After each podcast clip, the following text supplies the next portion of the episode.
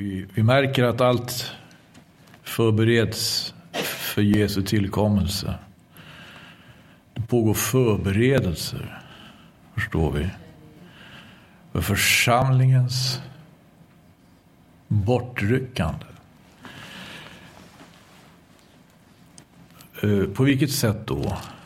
Man kan ju exempelvis ta i utgångspunkten här ikväll då i Hebreerbrevet.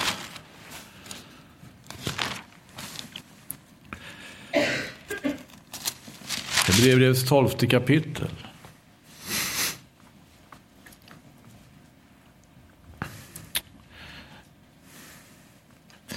Där han skriver så här. Ifrån den artonde versen. Ty ni har icke kommit till ett berg som man kan ta på. Ett som brann i eld, icke till töcken och mörker och storm. Vad var det för berg? Vilket berg är det han talar om? Det framgår ju här att det var ju Sinai berg. Så det var där det gick till på det här sättet. Icke till basunljud och till en röst som talade så att de som hörde den bad att inte ett ytterligare skulle talas till den. Ty det kunde icke härda ut med det påbud som gavs dem. Också om det är ett djur som kommer vid berget ska det stenas. Och så förskräcklig var den syn man såg att Mose sa Jag är förskräckt och bävar. Nej, ni har kommit till Sions berg och den levande Gudens stad. Det himmelska Jerusalem och till änglar i mångtusental. Till Sions berg. Den lev- det här uttrycket den levande guden. Det är ju värt att lägga märke till ett uttryck som naturligtvis inte utan vidare. Den levande guden. Den levande gudens stad. När det här sägs så klart, det finns väl en viss kontrast eh, i det här. Eh, när man säger på det här sättet så finns det en viss kontrast då i att eh, i, för, i föreställningen, alltså finns det, finns, det, finns det då en död gud? Ja, skulle man kunna undra. Eftersom det sägs den levande guden. Skulle det finnas, finns det, finns det någon död gud? Ja, Bibeln säger tydligt och klart att det här är den stora tragedin med avgudadyrkan, med avgudarna. Att det är, till skillnad från den levande guden, döda gudar. Men det måste ju vara en förfärlig tragedi med en död gud, en död gud. Om Gud är död, vad i all sin dag kommer då att kunna vara vid liv? De, men här har vi den levande guden. Ja. Den levande gudens stad. Det himmelska Jerusalem och till änglar i mångtusental. Till en högtidsskara och församling av förstfödda söner. Som är uppskrivna i himmelen. En församling och det står en högtidsskara och församling av förstfödda söner som är uppskrivna i himmelen. Till en domare som är allas Gud och till fullkomnade rättfärdigas andar. Och till ett nytt förbunds medlare, Jesus och till ett stänkelseblod som talar bättre än Abels blod. Här, här talar han alltså om två berg. Han talar om ett berg som man kan ta på. Men han säger, ni har inte kommit till ett sådant berg som man kan ta på. Det är alltså en skillnad på det viset. det här berget som han vill göra oss uppmärksamma på. Det är liksom inte underkastat eh, materiella världens begränsningar. De fysiska, ska vi säga, det, det fysiska, det, sinnenas eller begränsningar. Människokroppens begränsningar. Någonting med det här är, alltså det... Eh, och, och, och, så talar han om att här, här, här vid Sions berg möter en väldig ordning, en himmelsk ordning.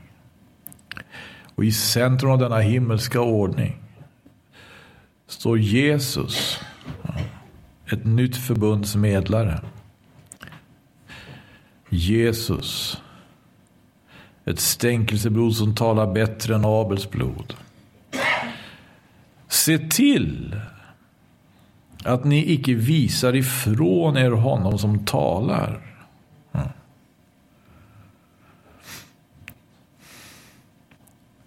Men nu, det här var väl ganska anmärkningsvärt. Visa ifrån sig.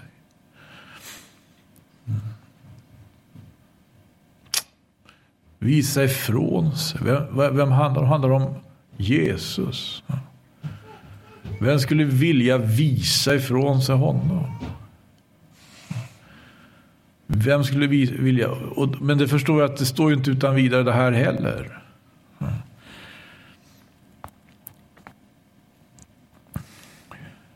För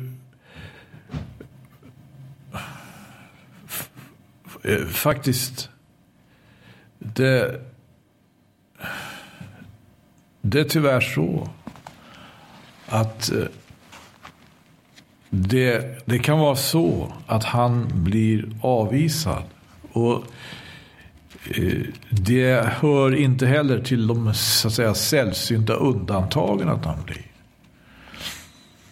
Utan när, eh, när Johannes skriver sitt evangelium så får han ju fram det här eh, att just eh, när han skriver, när han skriver om, om Jesus Kristus så står det att han skriver, hur ska vi, vi läser direkt som det står. Vi kan ha pekfingern kvar här. Vi går till Johannes evangeliets första kapitel.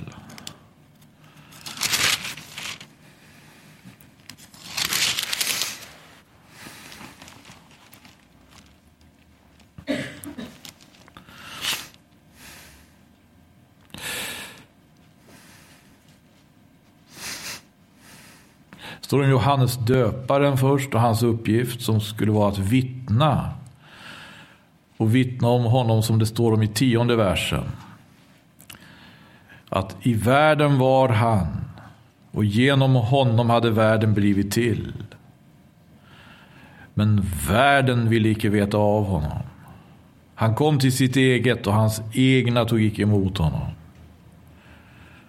Men åt alla de som tog emot honom gav han makt. Full makt kan det översättas. Rättighet att bli Guds barn. Åt de som tror på hans namn. Alltså de som tog emot honom. De som tog emot honom, de som inte avvisade honom. De som inte avvisade honom. Man skulle kunna säga i den kristna världen eh, läsa de här eh, bibelorden. Och jag vet inte.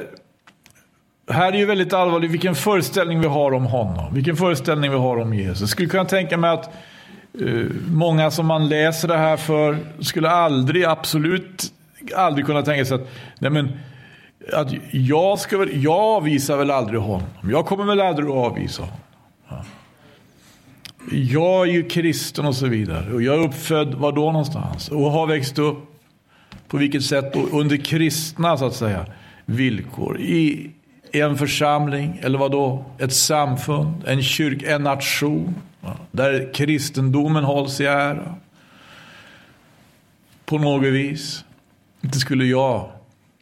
Kom ihåg lärjungarna själva resonerade ju på det viset när det kom till alltså avgörande moment i deras förhållande till Jesus Kristus. I deras efterföljelse. Ja. Inte är det väl jag, Herre, var det någon som sa. Aldrig att jag skulle förneka dig, sa en annan. Ja. Och en stor hop av människor eh, var benägna liksom att acceptera honom och vara riktigt glada för honom. Därför att han hade i alla fall eh, sådan eh, vad ska vi säga, makt så att han kunde bota och så vidare. Men så kunde man svänga på en natt och börja istället för att ropa Hosianna, ropa korsfäst. Ja. Se till att ni icke visar ifrån er honom som talar. Det här är naturligtvis frågan om ett avgörande ska vi säga, läge är ju det när vi först får höra om honom. När vi först får höra om honom. Det är ett helt naturligtvis avgörande. Om vi accepterar det vi får höra, om vi låter det han så att säga har att säga oss. Komma, komma, komma så att vi får utrymme. Men uppenbart så är det, ju så också att även om vi till att börja med säger ja, så kan vi efter en tid börja kanske att eh, föra ett annat resonemang. Det finns många som till att börja med säger ja till honom, accepterar honom. Det är många också som aldrig säger ja till honom, aldrig accepterar honom. Men många börjar med det och säger, och sen efter en tid börjar man, nej, äh, och så när man blir mer och mer klar över vad det här, alltså att vara en kristen, att vara Jesu efterföljare handlar om. Kanske börja framföra sitt, sina invändningar. Sina invändningar. Här står det, se till att ni icke visar ifrån er honom som talar. Se till att ni icke visar ifrån er honom som talar. När, när Jesus hade vandrat med lärjungarna en, en längre tid och det, när han började tala med dem om vad det här skulle komma att leda till. Att det han hade fått med dem på, den vägen han hade fått med dem på, den efterföljelsen han hade fått med han började tala med dem att det skulle, vad det skulle leda till. Han sa flera gånger, så upprepade tillfällen, att vi kommer att möta en situation i Jerusalem. Ja. Människosonen, alltså Jesus själv, kommer att bli överlämnad. I, hur, hur, hur, hur, var det, hur var det han uttryckte det här? Det äldste och överste prästen och, och det skriftlärde.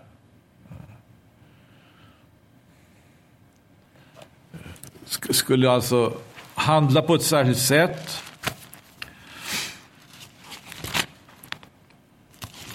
Matteus evangeliet 16 kapitel.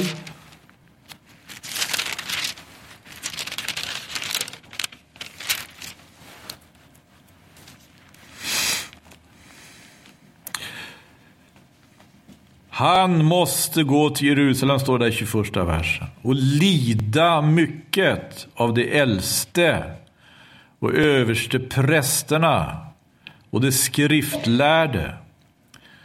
Och han skulle bli dödad, men på tredje dagen, vad skulle ske då? Står det här också. Lida mycket, bli dödad.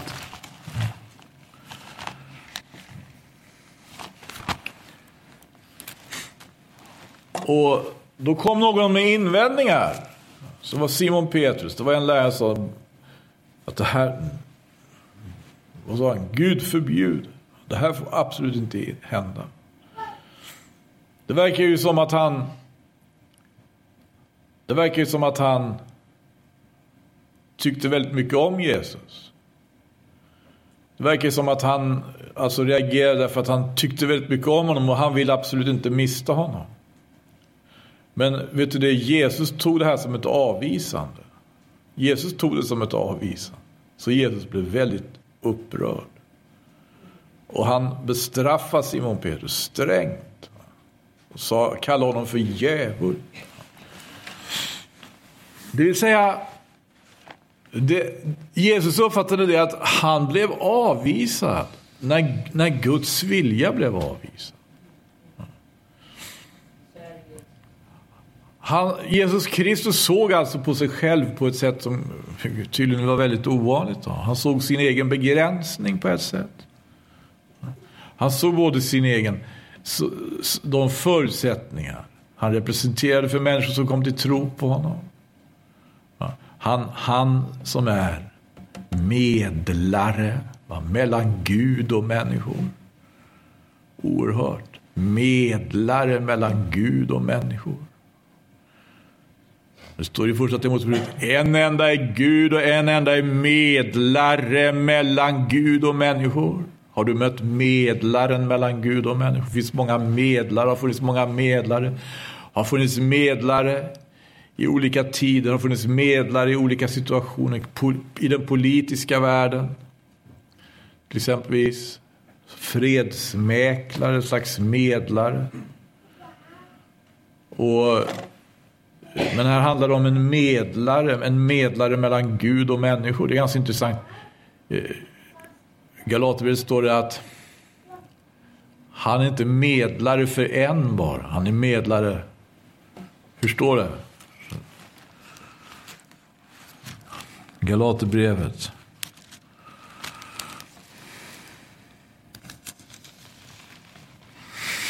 I 20 versen i tredje kapitlet.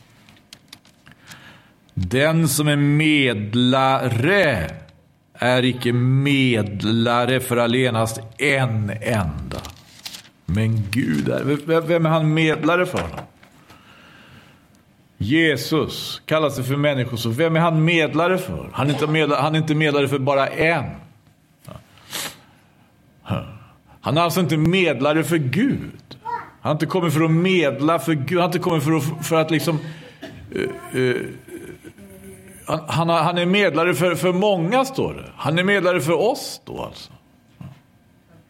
Det är oss han är medlare för. Han är medlare för oss.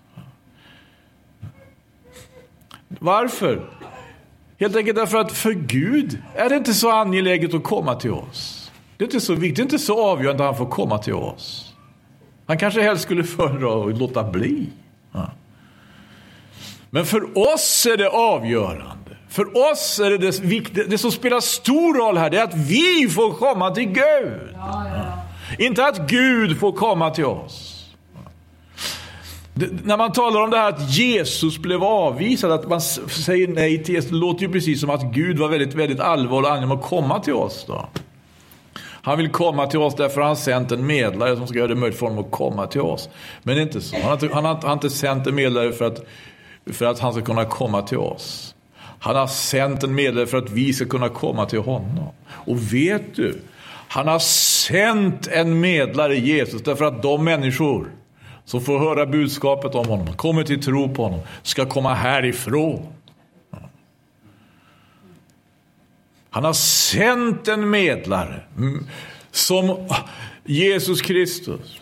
Inte för att han vill komma hit, utan för att han vill att de människor som tar emot honom ska komma härifrån. Det är nämligen den här platsen det gäller att komma ifrån. Det är den här världen det gäller att komma ifrån. Det är inte den här världen det gäller att komma till. Nu är det här en väldigt stor, allvarlig och känslig fråga. Ser vi människolivet från början till slut. Så hur Hans, hur kan du tala så? Hur kan du säga att den här världen, det är inte det viktiga att komma i? Vet du, vet du vad det innebär att komma till världen? Ja tack, det vet Men är inte det stort att få komma till världen? Jo, visst är det stort. Det är stort att få komma till världen. Jesus själv talar och att profeten om det stora i.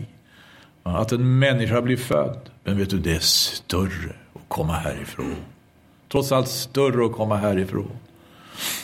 Komma till världen är stort, där, men att komma härifrån är större. Det, du, du talar väl Bibeln klarspråk om på många sätt, gör du inte det? Jag tror mig ha läst någonstans, står inte det? att bättre är dödens dag än födelsedag? Va? Bättre är det att gå i sorgehus än att gå i gästabud. Va? Av det som gör ansiktet sorgset far hjärtat väl. Kan du tänka dig? Är det möjligt? Av det som gör ansiktet sorgset far hjärtat Vet. Ja, men då måste det väl handla om en annan, ett annat sorgligt ansikte än det Jesus talar om när han säger skrymtarna som går omkring och ser sorgsliga och dystra ut. Säger vi fastar. Ser sorgliga ut, hänger med huvudet och vi fastar. Säger. Jesus säger det där är bara skrymteri. Nej, det är inte... När, när, när predikan, när den vise Salomo talar om det här att det som gör ansiktet sorgligt far hjärtat. Det är ju någonting helt annat då. Handlar om, vad handlar om? handlar om en insikt. Om vad då? Att allt, som man ska, allt är förfängligt. Allt är fåfäng. Allt vi kan vinna här i världen. Det, det, det, det, kan, om vi vinner det så har vi det en liten tid, men så försvinner det. Och Jesus uttrycker saken så. Vad hjälper det en människa om hon vinner hela världen men förlorar sin själ? Kan vi, kan vi se skillnad på det här två slaget av sorg? Den ena håller fast och är dyster och hänger med huvudet. Jesus kallar det skrymteri. Skrymteri, det, det, är alltså ett annat slags sorg. Då. En annan slags, ett, ett annat sorgens väsen. Ett sorgens väsen som har att göra med skrymteri. Men det är inte ett, det slag av sorg som har att göra med sanning. Därför man är sann, man kan sörja därför man är sann. Och ser saker och ting som de är. Man kan också sörja därför att man, ger, man, man spelar upp en, så att säga, man spelar upp ett, eh, som ett religiöst, ska vi säga, skådespel. Vi är så sorgsna och vi är så dystra. Och vi är så... Varför det? Därför vi hör Gud till och vi måste gå hans, vadå, tunga, svåra väg. Vad är det för något? Det, är inte sant. Visst är det en väg som är smal. Men den, när det verkligen är korsets väg, då är det också en väg som är överfylld av glädje. I Gud.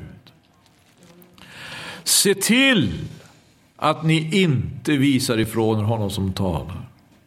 Vi ser det här, det här, det här avvisandet kan komma på en gång, men det kan också komma så småningom. Det verkar som att det, det är nära på värre när det kommer så småningom. Då. När man i avgörande lägen eh, liksom börjar argumentera mot Gud. Man är avgörande lägen börjar strida mot Guds vilja. Vill inte gå Guds väg, vill inte höra den. här Ty om dessa icke kunde undfly när de visade ifrån sig honom som här på jorden kungjorde Guds vilja. Vem var det som på jorden kungjorde Guds vilja? Den som på jorden kungjorde Guds vilja, det var Mose. På jorden kungjorde Guds vilja. Och han, Mose blev alltså, han blev alltså avvisad. Det vet vi att han blev. Han blev väldigt avvisad. Mo, Mose hade en annan utrustning. Därför så gick Mose aldrig till korset, även om han på sitt sätt vittnar om korset. Därför han hade en, han hade en annan utrustning. Mose kom för att straffa. Han hade en väldig fullmakt att straffa människor. Och han straffade. Visst gjorde han det? Det är hans uppgift, vet du det? Han kom med lagen, han kom för att straffa. Han kom för att straffa Egypten. Det gjorde han. Han kom med lagen för att straffa Israels barn. Och det gjorde han. Han kom till Egypten för att straffa egyptierna för att de höll Israels barn fångna. Så att han inte kunde föra ut dem och lämna lagen åt dem. Men när han hade fört ut Israels barn för att lämna lagen åt dem, då straffade han Israels barn för att de inte ville lyssna till Guds lag. Inte ville höra. Han straffade.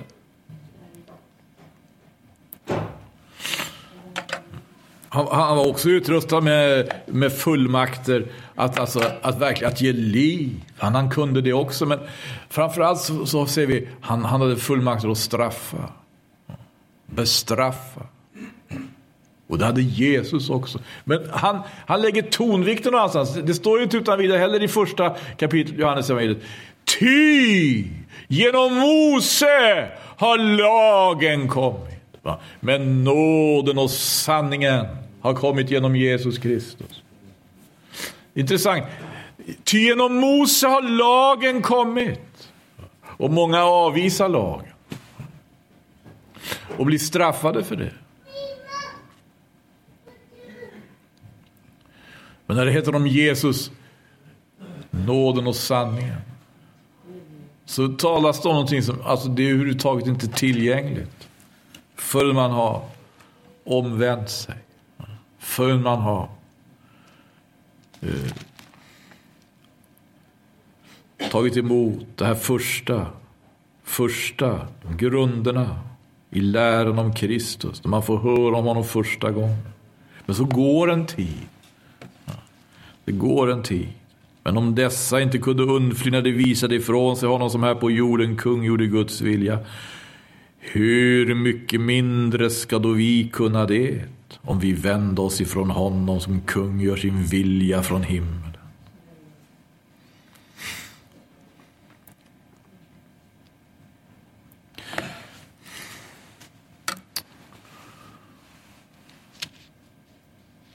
Vad är det handlar om för någonting?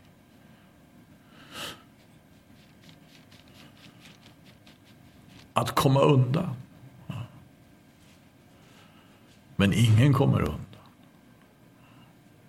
Ingen kommer. undan. Ingen kommer undan när Mose var verksam. Och ingen kommer heller undan. Inte på något sätt.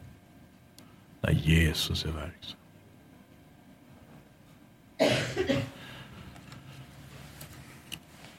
Förr eller senare måste vi möta verkligheten. Möta sanningen. Det här är ju det som kanske är svårt för oss att få ihop. Kan vi säga då.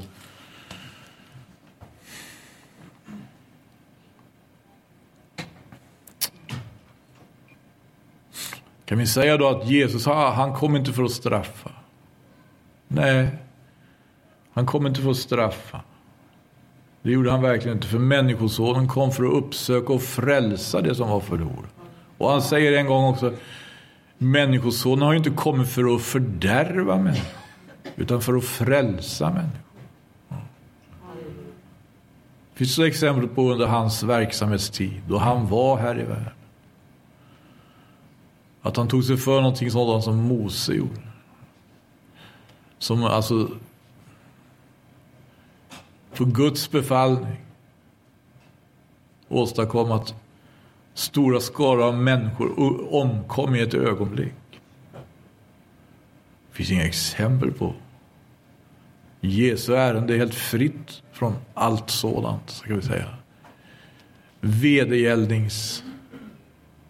Vedergällnings...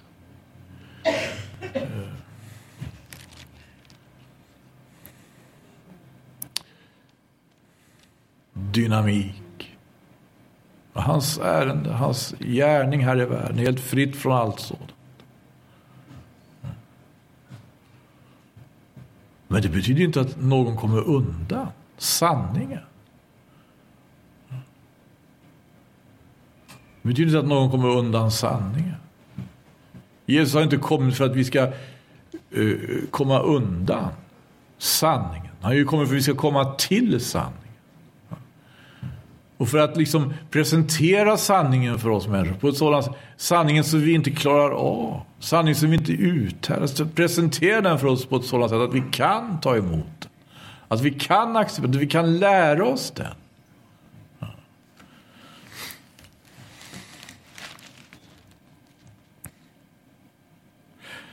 Då har vi alltså ett erbjudande att börja röra oss på ett annat plan.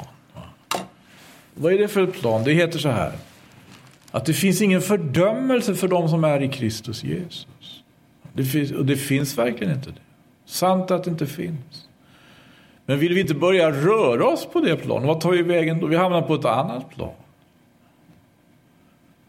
Men då ska vi inte klandra honom som har kommit för att visa oss vägen ut.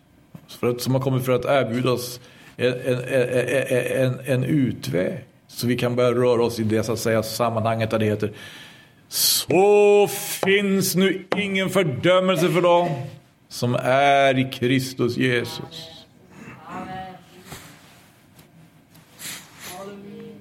Men då säger man, då säger man så här, ja men tänk på alla dessa människor som inte accepterar det. Så fruktansvärt många människor, eller som aldrig har hört eller som, inte, som fast de har hört inte kan ta emot. Av olika skäl inte kan. Och det är ju sådana här saker som man får möta, sådana här argumentation. Så, jaha, men den som för det resonemanget, han är alltså på något vis då större än Gud. Då. Större än Gud eftersom han mer bryr sig om de stora skarorna tydligen än Gud själv? Eller vad, vad, är det, vad är det det resonemanget går ut på? Vad vill man säga med ett sådant resonemang? Nu skulle vi ha bibelstudion. Läsa vad Bibeln säger.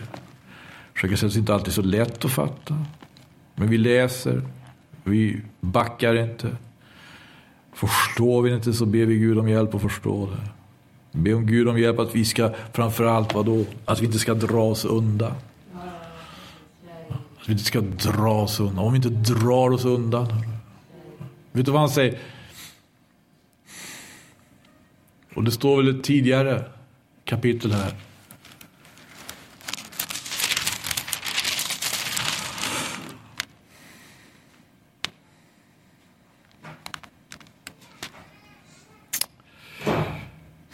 Ty ännu en helt liten tid. Vers 37 i kapitel 10 i Hebreerbrevet. Ty ännu en helt liten tid så kommer den som ska komma och han ska icke dröja. Och min rättfärdige ska leva av tro. Men om någon drar sig undan så finner min själ icke behag i honom.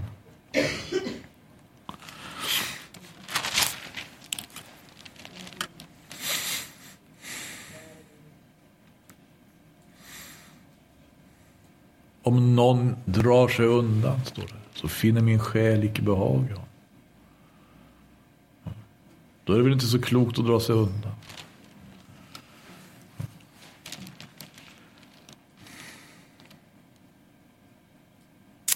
Drar vi oss undan, vet du, då placerar vi oss också.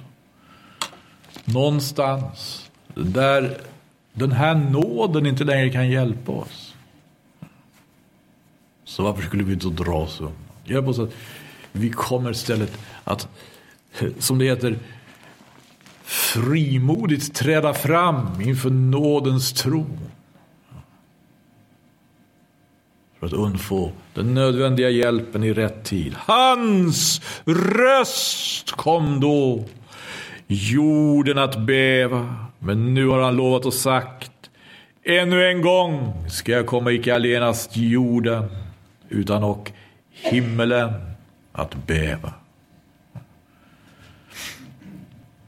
Dessa ord, ännu en gång, giva till känna att det ting som kan bäva, ska, eftersom det är skapade, bli förvandlade för att det ting som icke kan bäva ska bli beståndande. Är det det här som vi ser nu, som vi upplever förspelet till så att säga. Det, det är ting som kan bäva, ska bäva. I, det, i, sådana fall, I sådana fall upplever vi förberedelserna, vet du. för församlingens bortryckande. Och vad är det frågan om? Då? Att det ting som kan bäva ska bäva. Det ting som kan bäva ska bäva. Och församlingen? Den församling som man någonstans kallar för den lilla jorden. Kan inte den bäva? Ska inte den kunna bäva? Det kan den väl eftersom han säger frukta icke. Du lilla jord, frukta icke du lilla jord. Ja, då måste väl finnas någon fr frukt och fruktan är väl en slags bävan, då är man rädd. Men han säger frukta icke du lilla jord, ty det har behagat er fader att giva er riket. Frukta icke du lilla jord, ty det har behagat er fader att giva er riket. Vad är det han ger för oss? Vad ger han när han ger oss riket? När han sänder Jesus, rikets konung, för att vittna. Du, vet vad han ger? Han ger oss någonting som inte kan bäva. Han ger oss någonting som inte kan bäva. Det är det som inte kan bäva. Det han ger oss i Jesus Kristus. För att möta den tid som kommer så måste vi alltså få i oss någonting av det som inte kan bäva. Hur mycket vi sen annars bävar, för vi är människor, svaga, av kött och blod, bävar och skälver på många sätt. Så kan du och jag få någonting i oss. Vi kan få i oss någonting som inte kan bäva. När allt annat bävar. När allt annat bävar. När vad, vad det vara må alltså, som finns kommer att bäva. Han säger inte bara jord utan även himmelen. Han säger, Jesus säger himmelens makter ska bäva, himmelens makter. När han talar om sin, sin tillkommelse. Det här är någonting vad det, talet om församlingens bortryckande handlar om. När allting bävar. Då ska församlingen. Det som är församlingens. Det som tillhör Jesus Kristus som utgör hans församling på jorden. Ha någonting inom sig som inte kan bäva, som trots allt inte kan bäva. Så när allt annat faller på grund av dessa fruktansvärda skakningar som går igenom världsalltet så finns, det, så finns det någonstans, vi kan ha blicken fäst på ett mål. Vi kan ha örat vänt till en röst, som det heter. En röst som ingen annan. Och få, och få del i det som inte kan bäva, när allt annat bävar. Hörru. Därför, då vi nu ska undfå ett rike som icke kan bäva, så låt oss, vadå? Så låt oss vara tacksamma. Ja, varför inte? På det sättet tjänar vi Gud, honom till behag, med helig fruktan och räddhåga. Till vår Gud är en förtärande eld. Vår Gud är en förtärande eld.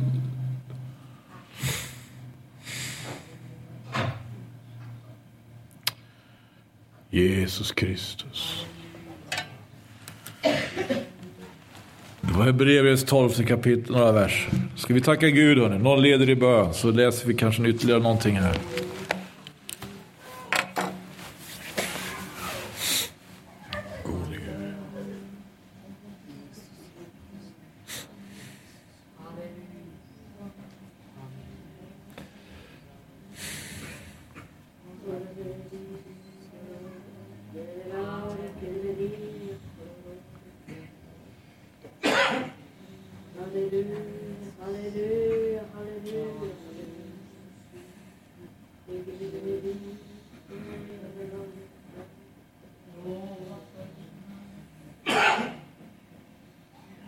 Prisa dig. Tack Tackar Tack Herre Jesus att vi får lyfta vår blick. Halleluja, tackar dig Herre Jesus att det finns en möjlighet att ankara innanför förlåten, förankras i det himmelska. riket.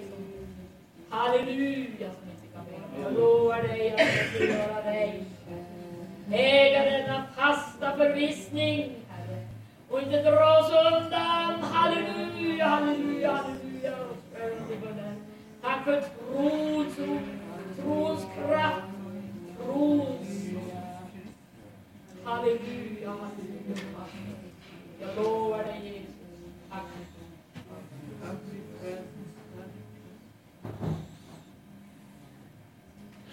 Man kan ju vet du, börja, man säger ja till honom, till Jesus Kristus. Man börjar, så småningom, vad händer? Vad är det som gör att eh, man kan komma på andra tankar? Det där det, där det gäller att vara vaksam. Det där det gäller, det, det där det gäller att, att vaka. Se upp. Se upp med både sig själv och andra. Jag tror att någonting av det här är väl vad Jesus talar om när han ger oss liknelsen om eh, såningsmannen. Såningsmannen. Vad såningsmannen sår är ordet. Och vi vet det kan gå, det kan gå, det kan gå på olika vis. Han talar nämligen om eh, att det finns allt, olika alternativ. Han säger att det finns det som faller av, av när son, en såningsman gick ut för att så sin säd. När han sådde föll somt vid vägen och fåglarna kom åt upp det. Somt föll på stengrund och eftersom det inte hade djup jord så torkade det strax bort och solen gick upp. Somt föll bland törn. Törnerna sköt upp tillsammans med och förkvävde det. Men somt föll i god jord. Somt föll i god jord. Och det står det. Det sköt upp, det bar frukt 30-fall, 60-fall, 100-fall. Hur då bar frukt? Bar frukt för Gud. När Gud hade givit ordet. När Gud hade givit eh, något av det som inte kan bäva åt skälvande skapelse. Så kunde det alltså gå på olika vis. Det kunde som det heter falla på stengrund. Vad sa, du, vad sa han om det? Det som föll på stengrund han uttydde det här.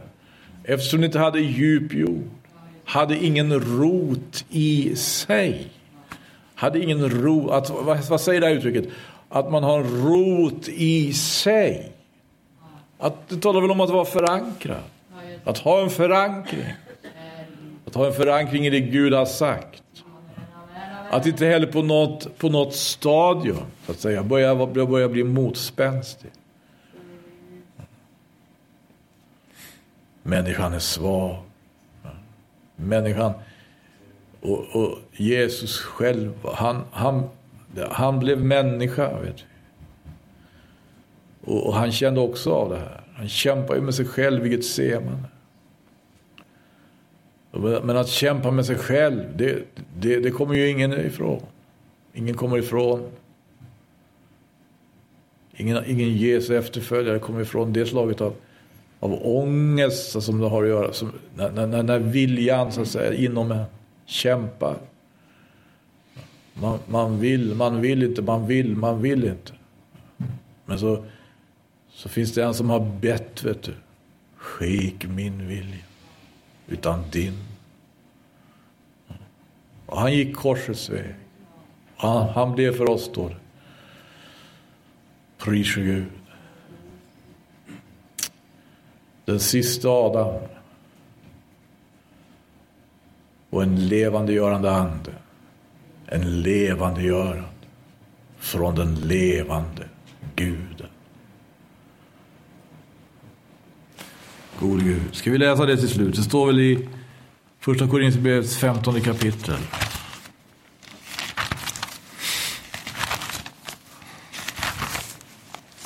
Första Korinthierbrevet 15. Uppståndelsekapitlet. Halleluja. Här handlar det om livet. Här handlar det om den levande guden. Här handlar det om livets jubel uppståndelselivet, liv från de döda. Han säger så här i vers 22. Och så som i Adam alla dö, så ska och i Kristus alla göras levande. Och så som i Adam alla dö, så ska och i Kristus alla, alla göras levande. Men var och en i sin ordning. Kristus såsom förstlingen. Därnäst vid Kristi tillkommelse det som hör honom till. Därefter kommer änden, då när han överlämnar riket åt Gud och Fadern, sedan han från andevärldens alla furstar och väldigheter och makter har tagit all deras makt. Ty han måste regera till dess han har lagt alla sina fiender under sin, sina fötter. Han måste regera till dess han har lagt, det här som håller på nu, han regerar till dess han har lagt alla sina fiender under sina fötter. Han regerar.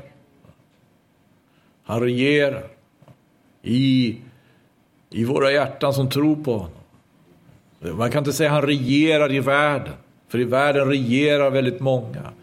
Och samtidigt i, i världen ser vi en enda eh, vilja som manifesterar sig allt som ofta. En enda som regerar och det är Guds ärkefiende, djävulen.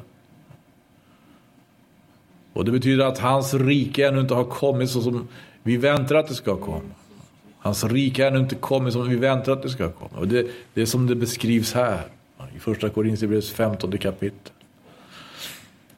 Men här är saker att säga tror jag som vi inte uthärdar. Vi uthärdar inte. Vi är alldeles för påverkade av alltså. värderingar som är kanske på sitt sätt goda och ändamålsenliga för en tid men som inte egentligen kommer från Gud. Vi, vi, det är så lätt att vi börjar så att säga göra motstånd. Men vi borde inte göra det på något, på något stadium.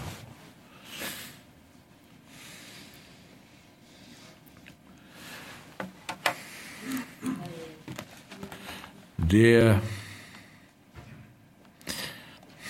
det är ju faktiskt det finns ju avgörande saker här.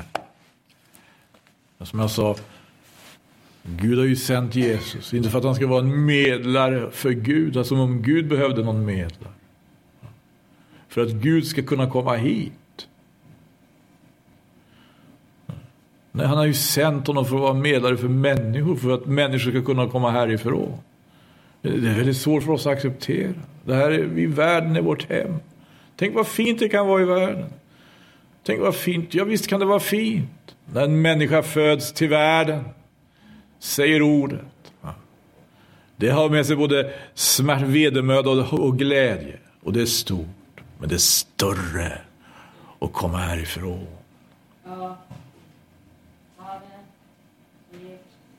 För det är svårt kanske att acceptera.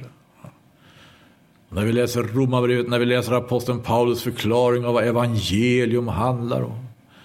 Att evangelium är liksom för oss en gåva. Det är som att Gud ser helt genom fingrarna med oss människor. Vi kan vara syndare, vi kan vara hur syndiga som helst när vi läser Romarbrevet tycker vi.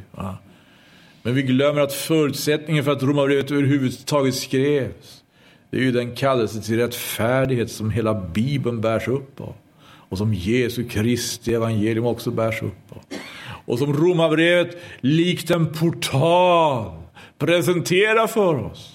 Därför Romarbrevet inleds med att tala eh, långa stycken om Mose. Mose representerar en kallelse till rättfärdighet.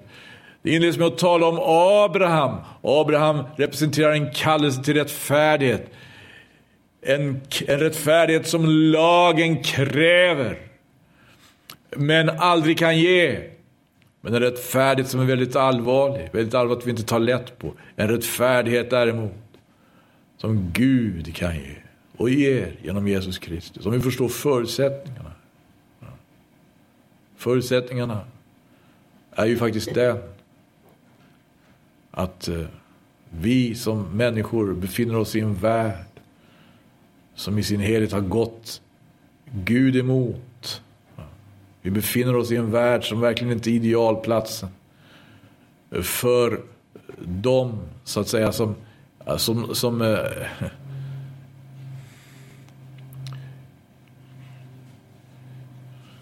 är Guds barn.